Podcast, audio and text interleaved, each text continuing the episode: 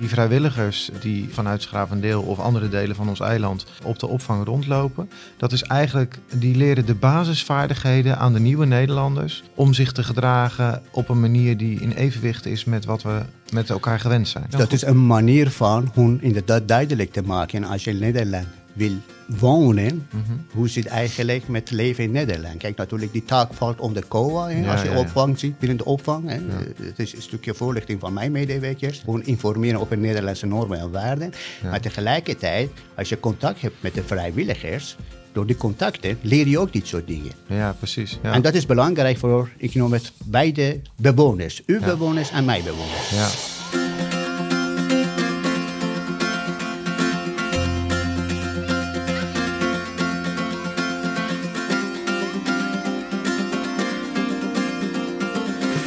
Terug van even weg geweest, de podcast van Hebben. Voor de zomervakantie nam ik de laatste op en eigenlijk was ik helemaal niet van plan om zo lang te wachten met het opnemen van een nieuwe aflevering. Echter, de eerdere versoepelingen van de maatregelen zorgden ervoor dat ik eindelijk weer veel mensen in het echt kon ontmoeten. In dorpen, op bijeenkomsten en evenementen. Alles wat de eerste anderhalf jaar niet kon, zorgde nu natuurlijk voor een overvolle agenda. En gelukkig gaf dit alles ook veel energie en ook inspiratie voor de podcast. In de tussentijd is er veel gebeurd. Inmiddels hebben we weer met strengere maatregelen te maken. En een van de grotere gebeurtenissen in de komende tijd is het openen van een tijdelijke opvang voor 375 vluchtelingen in Schravendeel. En daar wil ik graag over in gesprek samen met iemand die er alles over weet, hoe het nu gaat met de vluchtelingenopvang in Nederland en weet hoe het er straks uit gaat zien op de locatie in Schravendeel. Tijd om de podcast nieuw leven in te blazen met mijn gast voor deze aflevering, locatiemanager Ali Honar. Welkom, fijn dat je er bent. Dank u wel. Ali, kun jij iets over jezelf vertellen? Eh, Ali Honar, ik, eh, ik ben in Iran geboren. Ik ben zelf ooit gevlucht uit Iran in 1985. Ik heb in Amsterdam gewoond, jaren in Rotterdam gewoond. Ik heb in Hilversluis gewoond. Ik woon op dit moment in Capelle aan de IJssel eh, samen met mijn vrouw en een prachtige zoon die in december voor de kerst 18 jaar wordt. Dus als asielzoeker ben ik naar Nederland gekomen. En in mijn tijd was geen sprake van de opvang voor asielzoekers. Kun je eens vertellen hoe dat ging in die tijd? Nou, het ging niet makkelijk. Dan moet je natuurlijk zelf de weg vinden. Dan moet je kijken waar ga je wonen. Ga je beginnen met simpele dingen. Ik vergeet het nooit. Ik was eh, toen in Amsterdam. Met de taxi vanuit Schiphol werd ik naar Amsterdam gebracht. En toen dacht ik, oké, waar ga je wonen? En dat was inderdaad heel belangrijk vraag voor mijzelf. En simpelweg wist ik niet waar ging ik wonen.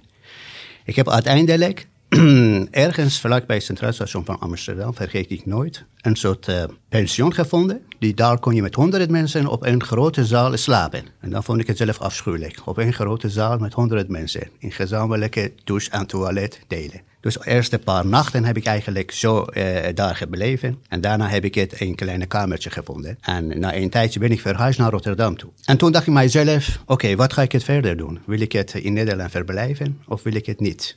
Nou, wil je in Nederland verblijven, ga je de taal leren. Dat is de sleutel voor de samenleving. En toen ben ik begonnen met de taallessen in Rotterdam. En taallessen gevolgd bij Vluchtelingenwerk Nederland. En ook taallessen gevolgd bij de gemeente, of via de gemeente Rotterdam. En na een tijdje dacht ik mijzelf, ik ga ook verder studeren. En toen ging ik naar Sociale Academie in Rotterdam. Juist. De richting HBO-opleiding culturele maatschappelijke vorming. De eerste paar maanden dacht ik, is het goede opleiding voor mij of niet? Beetje twijfel.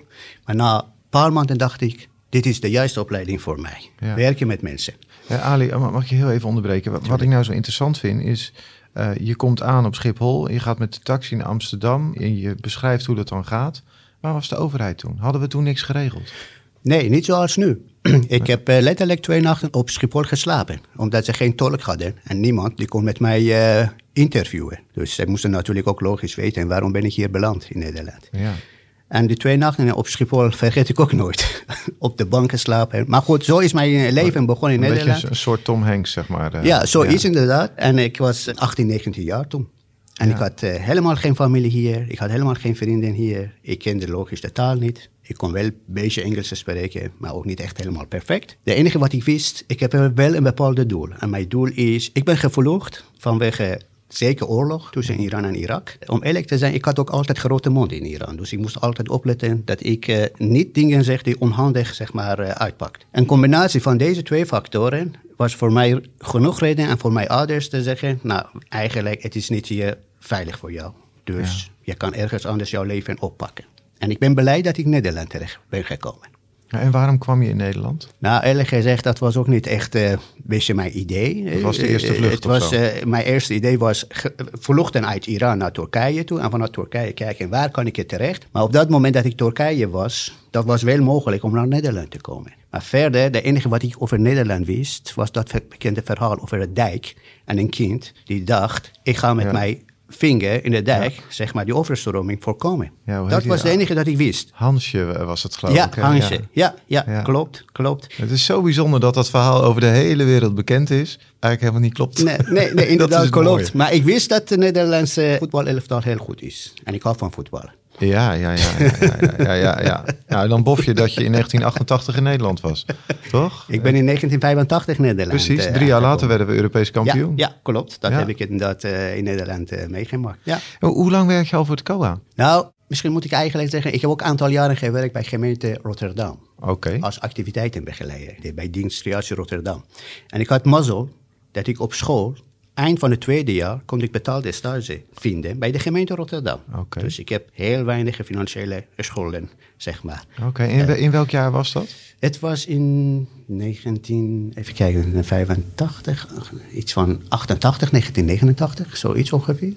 Oké. Ja, zoiets. Ja, ik ben, ik ben bijna 28 jaar werkzaam bij COA, eerlijk gezegd. Dus ja. COA is mijn tweede werkgever.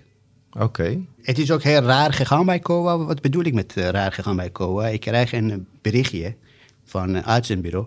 Wil je bij een organisatie werken die opvang biedt? Ik zei, ja, ik ben zelf asielzoeker geweest. Dus uh, ja, lijkt mij leuk om bij de organisatie te gaan werken. En ik zei, waar moet ik heen? En ik woonde toen in Rotterdam. Ja, je moet naar Hellevoetsluis gaan. Ik zei, waarom in Hellevoetsluis? Ja, er is een locatie, een boot. En daar biedt de opvang aan asielzoekers. Zo ben ik binnengekomen.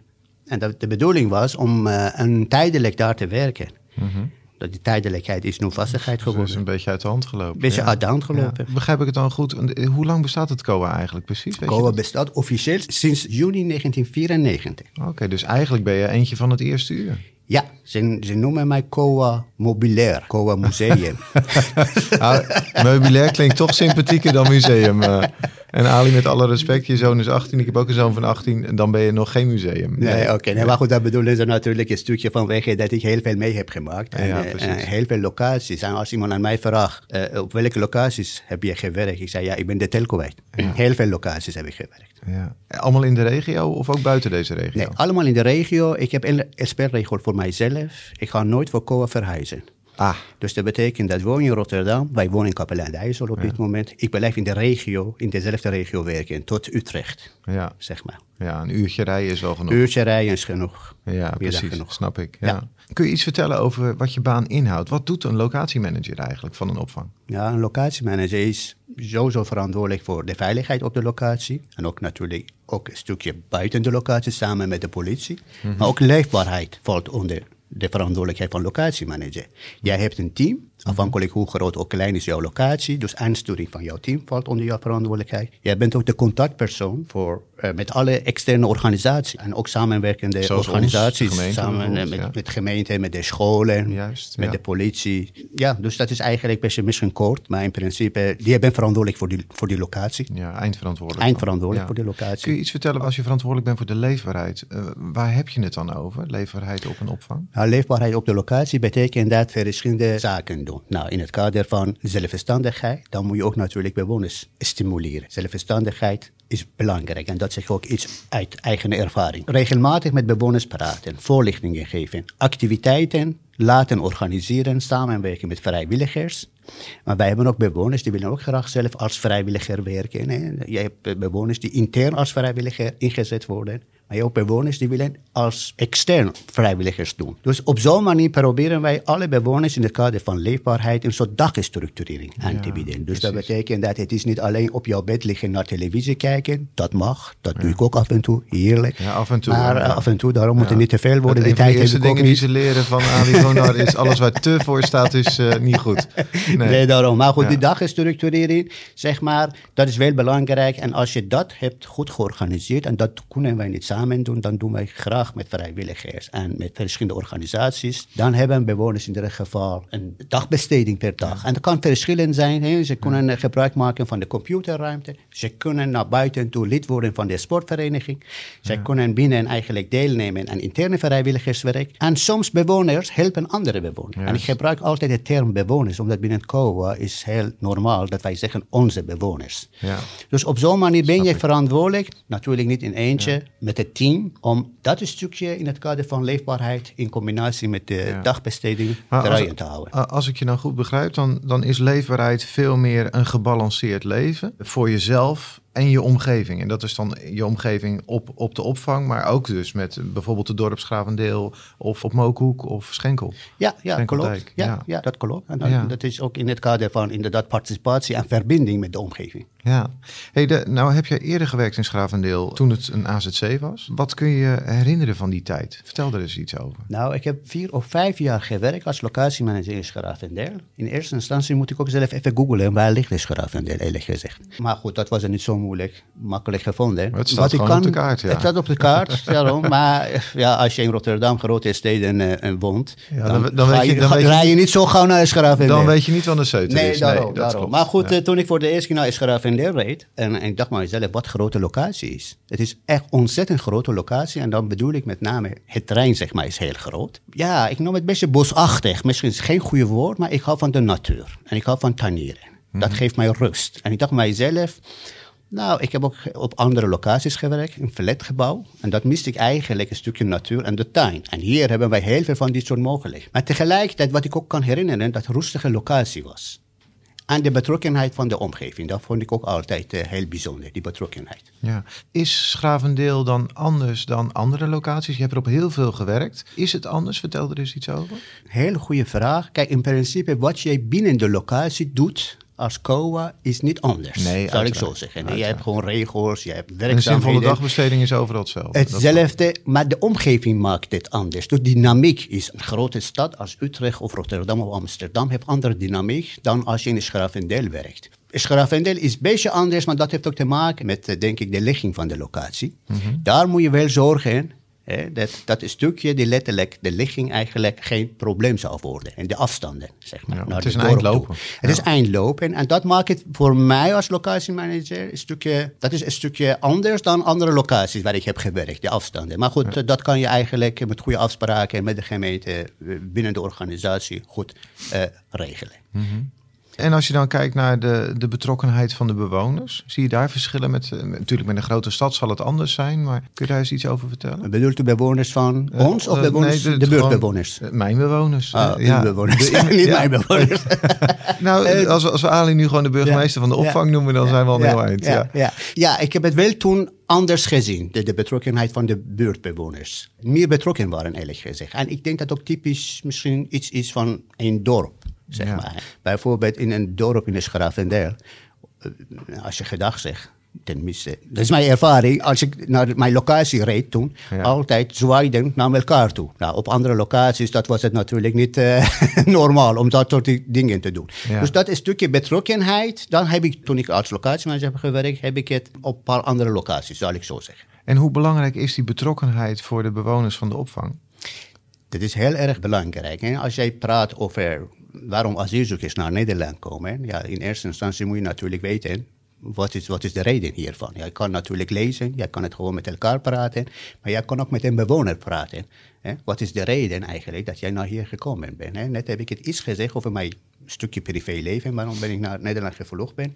En, ik, en ik, ik hou van die verbinding. Ik vind het door, door manier van met elkaar kunnen praten, omgaan, hoeft ook niet ingewikkeld te zijn. Hè. Simpele dingen organiseren, eten. Hè. Iedereen houdt van eten.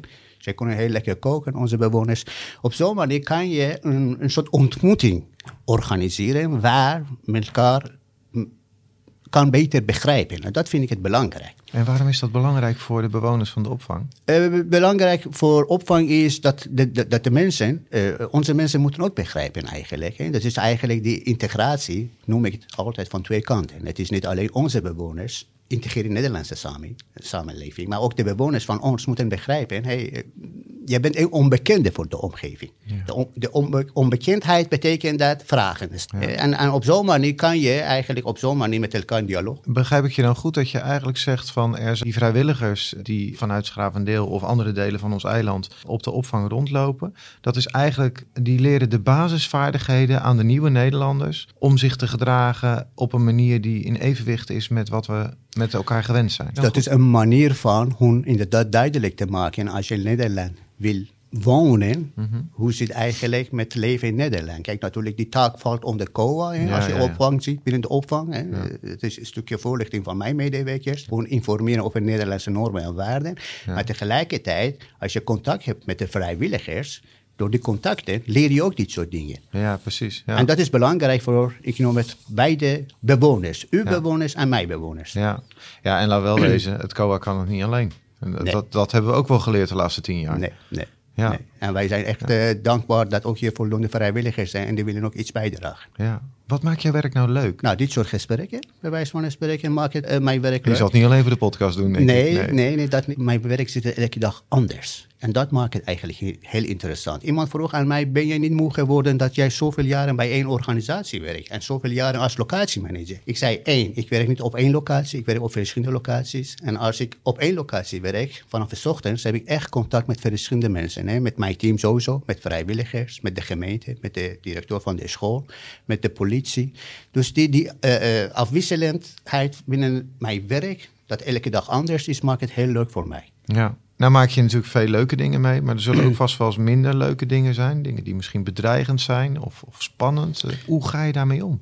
Ik hou ook van lik op stuk beleid. Dus op het moment dat eigenlijk iemand problemen veroorzaakt, ja, natuurlijk gaan wij gesprekken voeren. En als het gesprek geen invloed heeft gehad, dan gaan wij andere maatregelen nemen. Dus de bedreiging, gelukkig heb ik zelf niet zo vaak meegemaakt. En als je zoveel jaren bij deze organisatie werkt en word je regelmatig bedreigd. En soms misschien is het voor sommige mensen die met asielzoekers niet hebben gewerkt, denken ze dat zijn mensen die kunnen een heel onveilige situatie veroorzaken. Het is niet zo, maar er zitten wel soms mensen tussen. En daar moet je eigenlijk als COA samen met politie op stukbeleid voeren. Gelijk en, uh, en gelijk eigenlijk uh, laten zien wat verwachten wij van jullie. En wat ik wel zelf triest vind en lastig vind, dat zijn asielzoekers die, die in het kader van, ja, ze zijn moe van wachten. Zij missen natuurlijk het land van herkomst, zij missen de familie. En dan zitten wel soms mensen tussen die, die, die, die denken aan zelfdoding. Ik heb uh, helaas een uh, aantal keren meegemaakt op die verschillende locaties waar ik heb gewerkt. Heel aardige mensen. Wij hebben ook alles gedaan, maar je kan natuurlijk niet 24 uur iemand uh, in de gaten nee, houden. Nee, nee, en, ik had het wel een aantal keer meegemaakt dat ik mijn telefoon ging ringen. En heb ik slecht nieuws gehoord over dit soort heftig, situaties. Heftig. En dat is heel heftig. Dat kom ja. je naar huis toe en dan weet je ook niet hoe ben je naar huis gereden, eerlijk nee, gezegd. Nee, nee, dat snap ik. Dat, snap en dat vind ik het maar, altijd uh, dat, dat intrigeert me wel, dat je, je bent zelf vluchteling. Je hebt de gasvrijheid van ons land beantwoord door gewoon echt een Nederlander te worden. Wat doet het dan met je dat mensen hier komen en het is niet het gros, maar ze zijn er, uh, die rottigheid trappen. Mm -hmm. Of mensen die dus onvoldoende landen, waardoor ze een eind aan hun leven maken. Wat doet dat met jou als mens, met jouw eigen geschiedenis. Ja. Dat lijkt me heel ja. ingewikkeld. Ik schaam soms, eerlijk gezegd. Ik denk bij mijzelf, ja, weet je wat, als jij gevolgd bent, of zeg je gevolgd bent, en kom je naar Nederland toe, en ga je verkeerde dingen doen, dan maak je ook eigenlijk lastig voor de rest. Dan denk ik mijzelf, dat is niet eerlijk, dat is niet goed wat gebeurt. En dan heb ik het woord schamen gebruikt. En dan denk ik soms bij mijzelf, waarom moet je schamen? Je bent locatiemanager, je ja. bent niet verantwoordelijk voor. Maar zo komt het over. Ja. En ik voel me zo verantwoordelijk.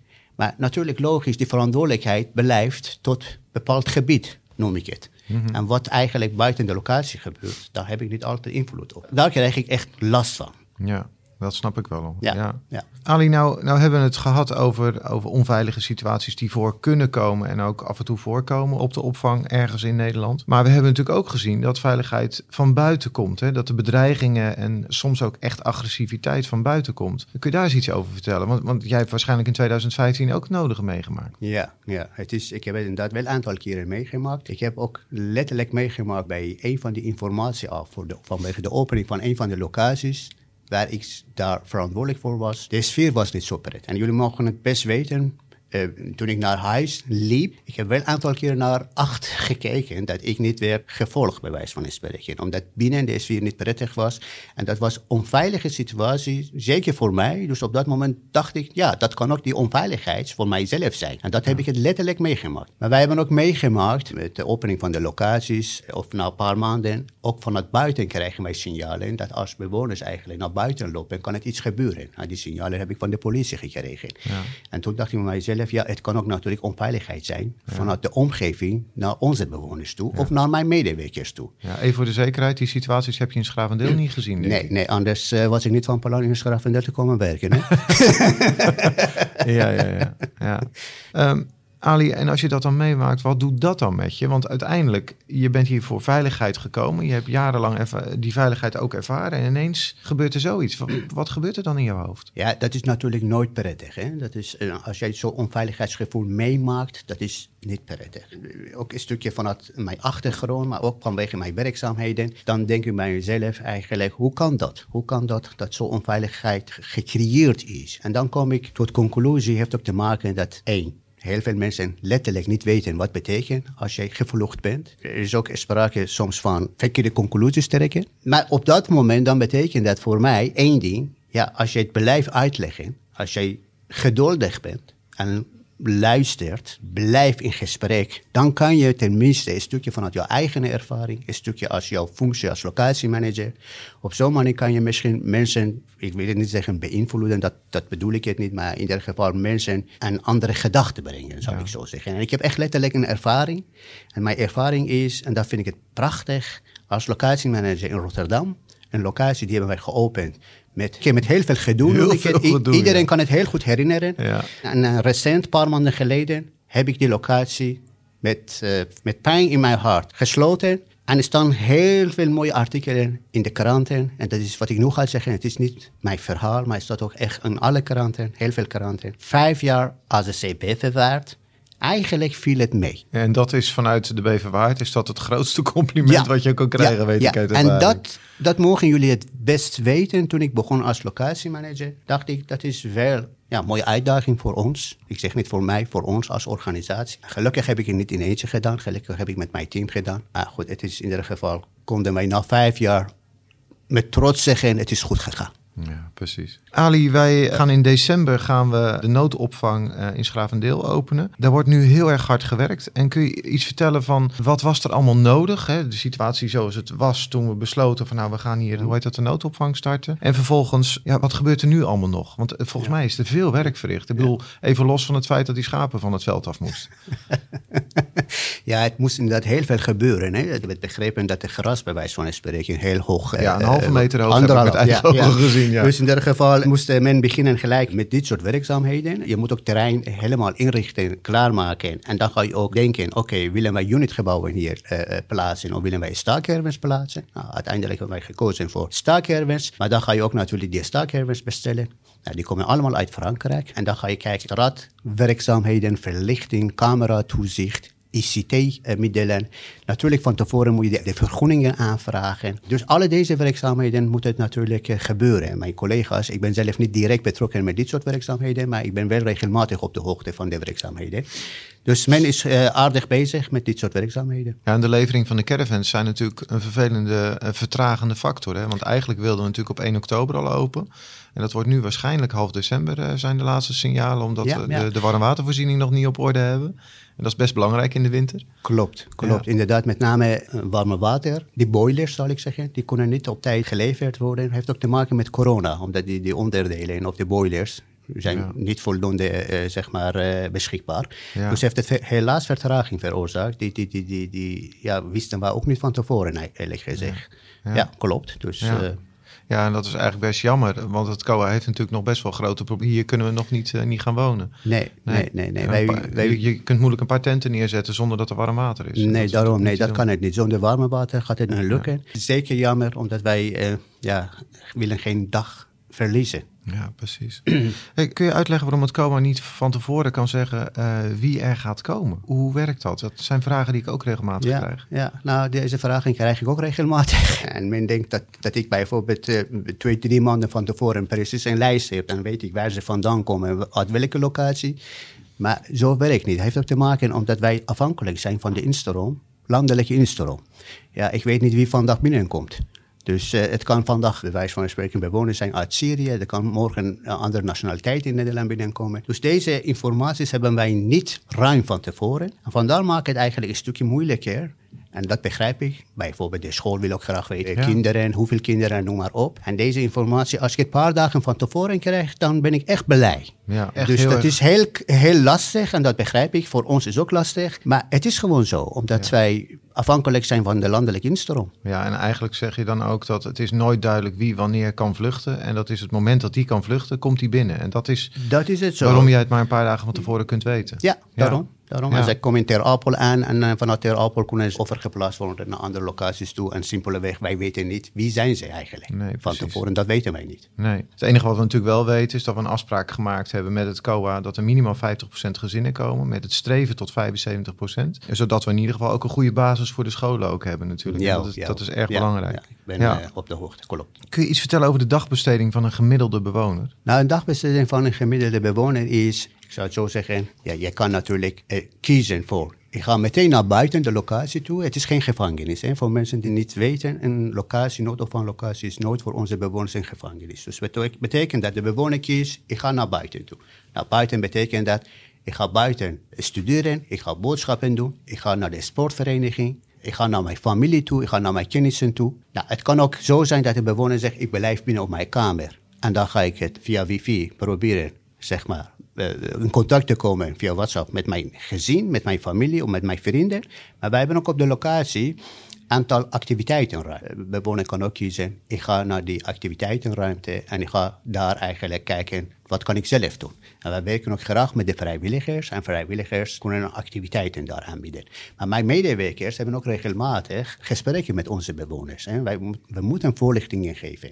Dus op zo'n manier eh, proberen wij eigenlijk de dag voor een bewoner vorm te geven. Maar ik blijf altijd één ding zeggen, en dat is ook puur mijn eigen ervaring. De dagbesteding is ook een stukje verantwoordelijkheid van de bewoner zelf. Wij kunnen als COA heel veel dingen aanbieden. Vrijwilligers die samenwerken met COA, kunnen wij samen activiteiten aanbieden. Maar bewoner moet ook zelf willen en wij proberen hem of haar te motiveren. Ja, je kunt de kameel wel naar de bron brengen, maar je kan hem niet dwingen om te drinken. Ja. Nee, nee, en sommigen denken dat COA bijvoorbeeld 24 uur activiteiten aanbiedt.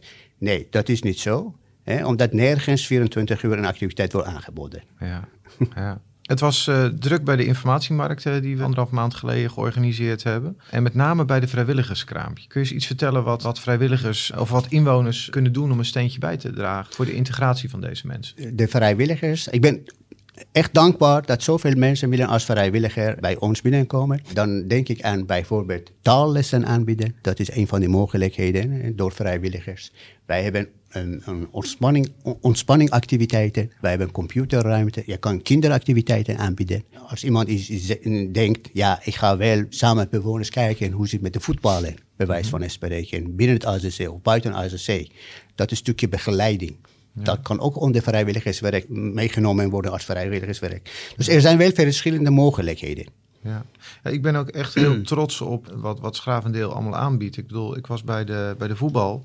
Uh, en die zei van, uh, wij hebben nog een avond dat het veld vrijwel niet gebruikt wordt. Dus uh, voel je vrij om daar wat mee te doen. Hè? Dat soort aanbiedingen. Ja. En dat, hoe heet dat, dat, dat komt ook allemaal netjes bij het COA terecht natuurlijk. Het is wel heel mooi om te zien hoe dat gaat. Ja, ja, ja, ja echt heel fijn. Dat is, inderdaad, dat is de betrokkenheid. Hè? En dat stel ik het op prijs. Ja, en dat is natuurlijk ook de ervaring die we als gemeenschap al hebben met een opvang. Hè? Omdat er jarenlang dat AZC gezeten klopt. heeft. Ja. Klopt. Mogen mensen straks ook een kijkje komen nemen? Ja, Want het is geen gevangenis, dus dat betekent dat er ook gasten mogen komen. Graag. Los van jaarlijkse open dagen die wij oh. aanbieden, hè, sowieso landelijk. Wij gaan het zeker de locatie beschikbaar stellen om mensen binnen te laten komen. En zij krijgen een rondleiding en dan kunnen ze ook vragen stellen. Dat doen wij graag. dat en, zeker met de opening van de inlocatie. Precies, en is dat als de, de, locatie open is, nou, als die geopend wordt, dan zal er nog even een moment zijn, uh, neem ik aan. Gewoon op de Bonnefoy langs fietst en je denkt van nou, ik wil even rondkijken. Is er dan altijd iemand uh, die je kan aanspreken of hoe gaat dat? Wij willen graag georganiseerd dit soort dingen aanbieden. Dan kunnen wij eigenlijk beter ook uitleggen. Als iemand, precies uw voorbeeld, iemand uh, op de fiets langs uh, fiets en dan willen binnenkomen. Ja, mijn, mijn medewerkers zijn natuurlijk wel bezig met andere zaken.